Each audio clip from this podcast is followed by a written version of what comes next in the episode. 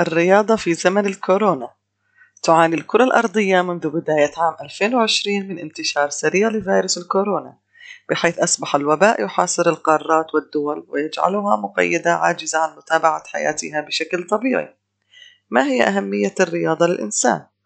أولا خفض نسبة الإصابة بأمراض القلب 50% خفض نسبة الإصابة بالسكري وأمراض السمنة 50% خفض نسبة الإصابة بالضغط الدم الذي يصيب حوالي 20% من سكان الأرض.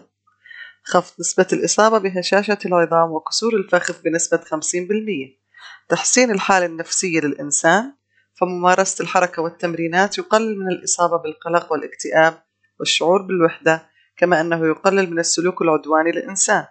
يساعد على تكوين العظام والمحافظة عليها خاصة في الأطفال وكبار السن.